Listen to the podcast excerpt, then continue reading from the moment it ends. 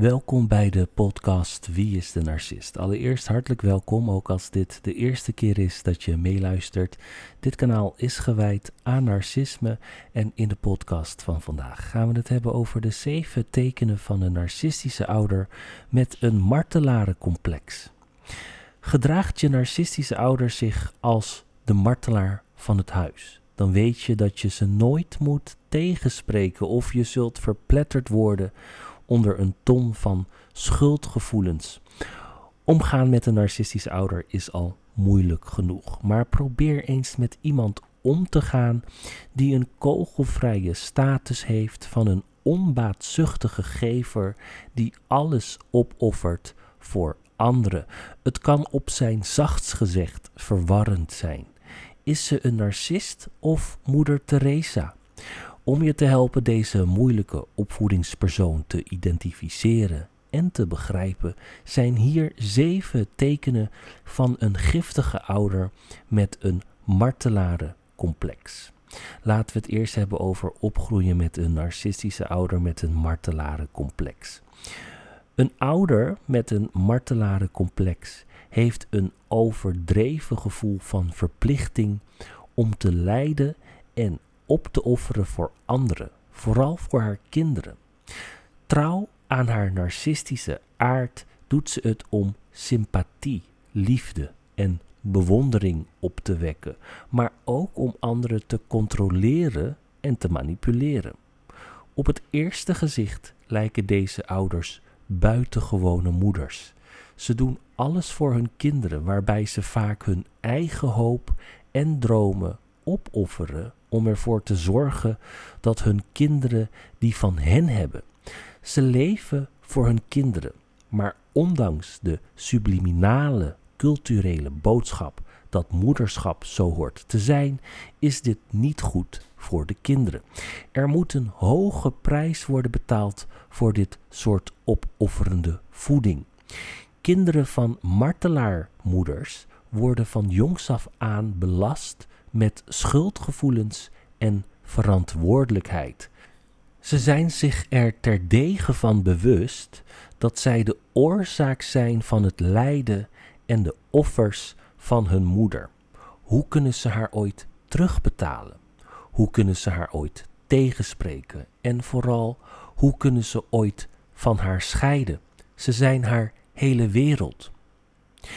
In haar boek Strong Mothers, Strong Sons verwijst Meg Meeker op dit destructieve effect. Kinderen van moeders met een martelarencomplex dragen een zeer ongezond verantwoordelijkheidsgevoel. Als ze onafhankelijk worden, zullen ze hun moeders achterlaten met niets om voor te leven. Dit is een veel te zware last voor kinderen om te dragen. Het martelaarschap van een ouder, samen met haar narcistische neigingen, zorgt voor een zeer uitdagende gezinsdynamiek. De ouder moet constant in het middelpunt van de belangstelling staan en eist oneindige bewondering en geruststelling van haar kinderen. Helaas, zelfs als het kind haar geeft wat ze wil, is het nooit genoeg. Ze zijn nooit helemaal in staat om de enorme emotionele behoeften van de ouder te bevredigen.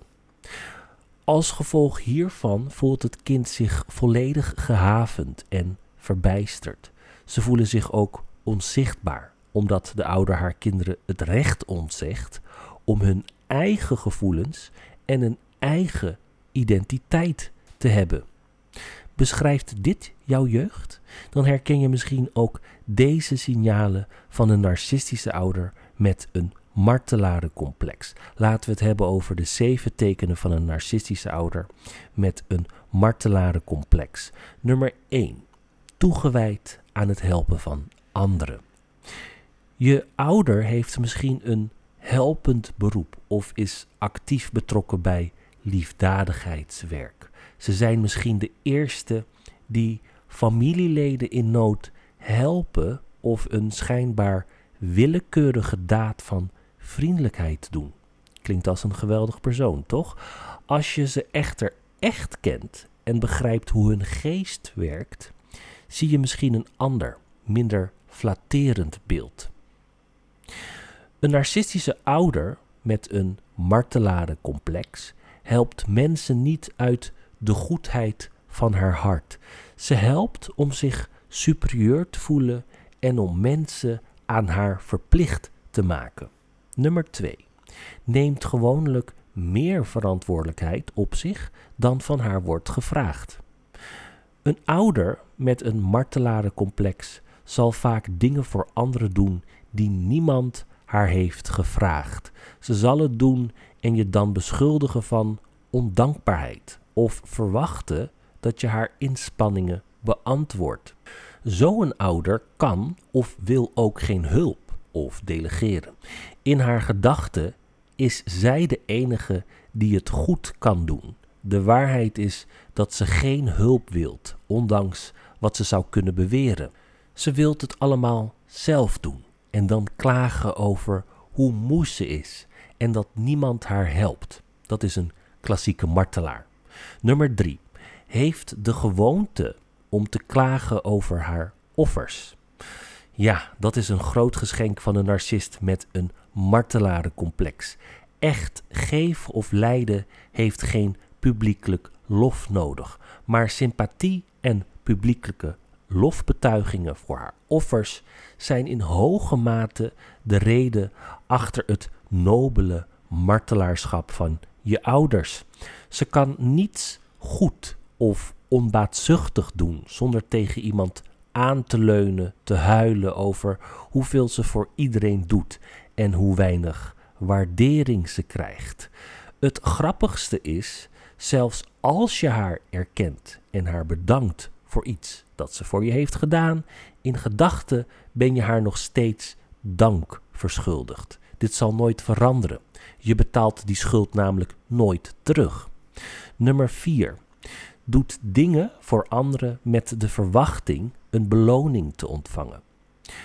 Een narcistische ouder die hunkert naar bewondering en blinde gehoorzaamheid gelooft dat offeren voor haar kinderen en andere mensen haar zal geven wat ze wilt. In die zin, hoe meer de martelaarouder voor je doet, hoe meer ze verwacht dat je haar marionet bent. Omdat ze zich voor je buigt en zoveel opoffert, moet je haar gehoorzamen en akkoord gaan met alles wat ze zegt. Als je haar op enig moment tegenspreekt, zal ze je snel de rekening laten zien van alles wat je haar verschuldigd bent. Nummer 5. Handelt teleurgesteld en gekwetst wanneer mensen haar grote opofferingen niet waarderen. Een giftige ouder met martelaarsneigingen klaagt altijd over mensen, vooral kinderen die ondankbaar zijn. Ze dreigt ook alles af te pakken als je niet in de rij staat. Hè? Haar kinderen mogen nooit, ook niet voor een seconde, haar grote lijden vergeten. En als ze dat doen, zal ze hen er snel aan herinneren. Dat is heel erg ontworpen. Het doet haar pijn dat ze niet de erkenning en bewondering krijgt die ze denkt te verdienen. Maar tegelijkertijd geeft het gevoel van onrecht haar een extra ego-boost. Het is de zoveelste bevestiging dat ze een onschuldig slachtoffer is en dat iedereen om haar heen nutteloze, ondankbare sycophanten zijn. Nummer 6 springt in een martelaarsmodus wanneer ze zich onder de loep of aangevallen voelt. Een giftige ouder die de martelaar speelt, keert onmiddellijk terug naar haar ik heb zoveel voor je opgeofferd, hoe durf je rol om haar verantwoordelijkheid voor een van haar acties te vermijden. Je mag nooit aan haar motieven twijfelen. Dat hebben alle narcistische ouders gemeen.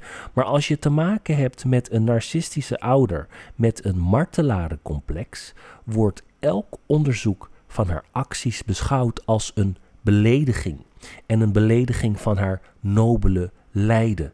Ze valt snel iedereen aan die haar status als heilige in twijfel trekt. Nummer 7.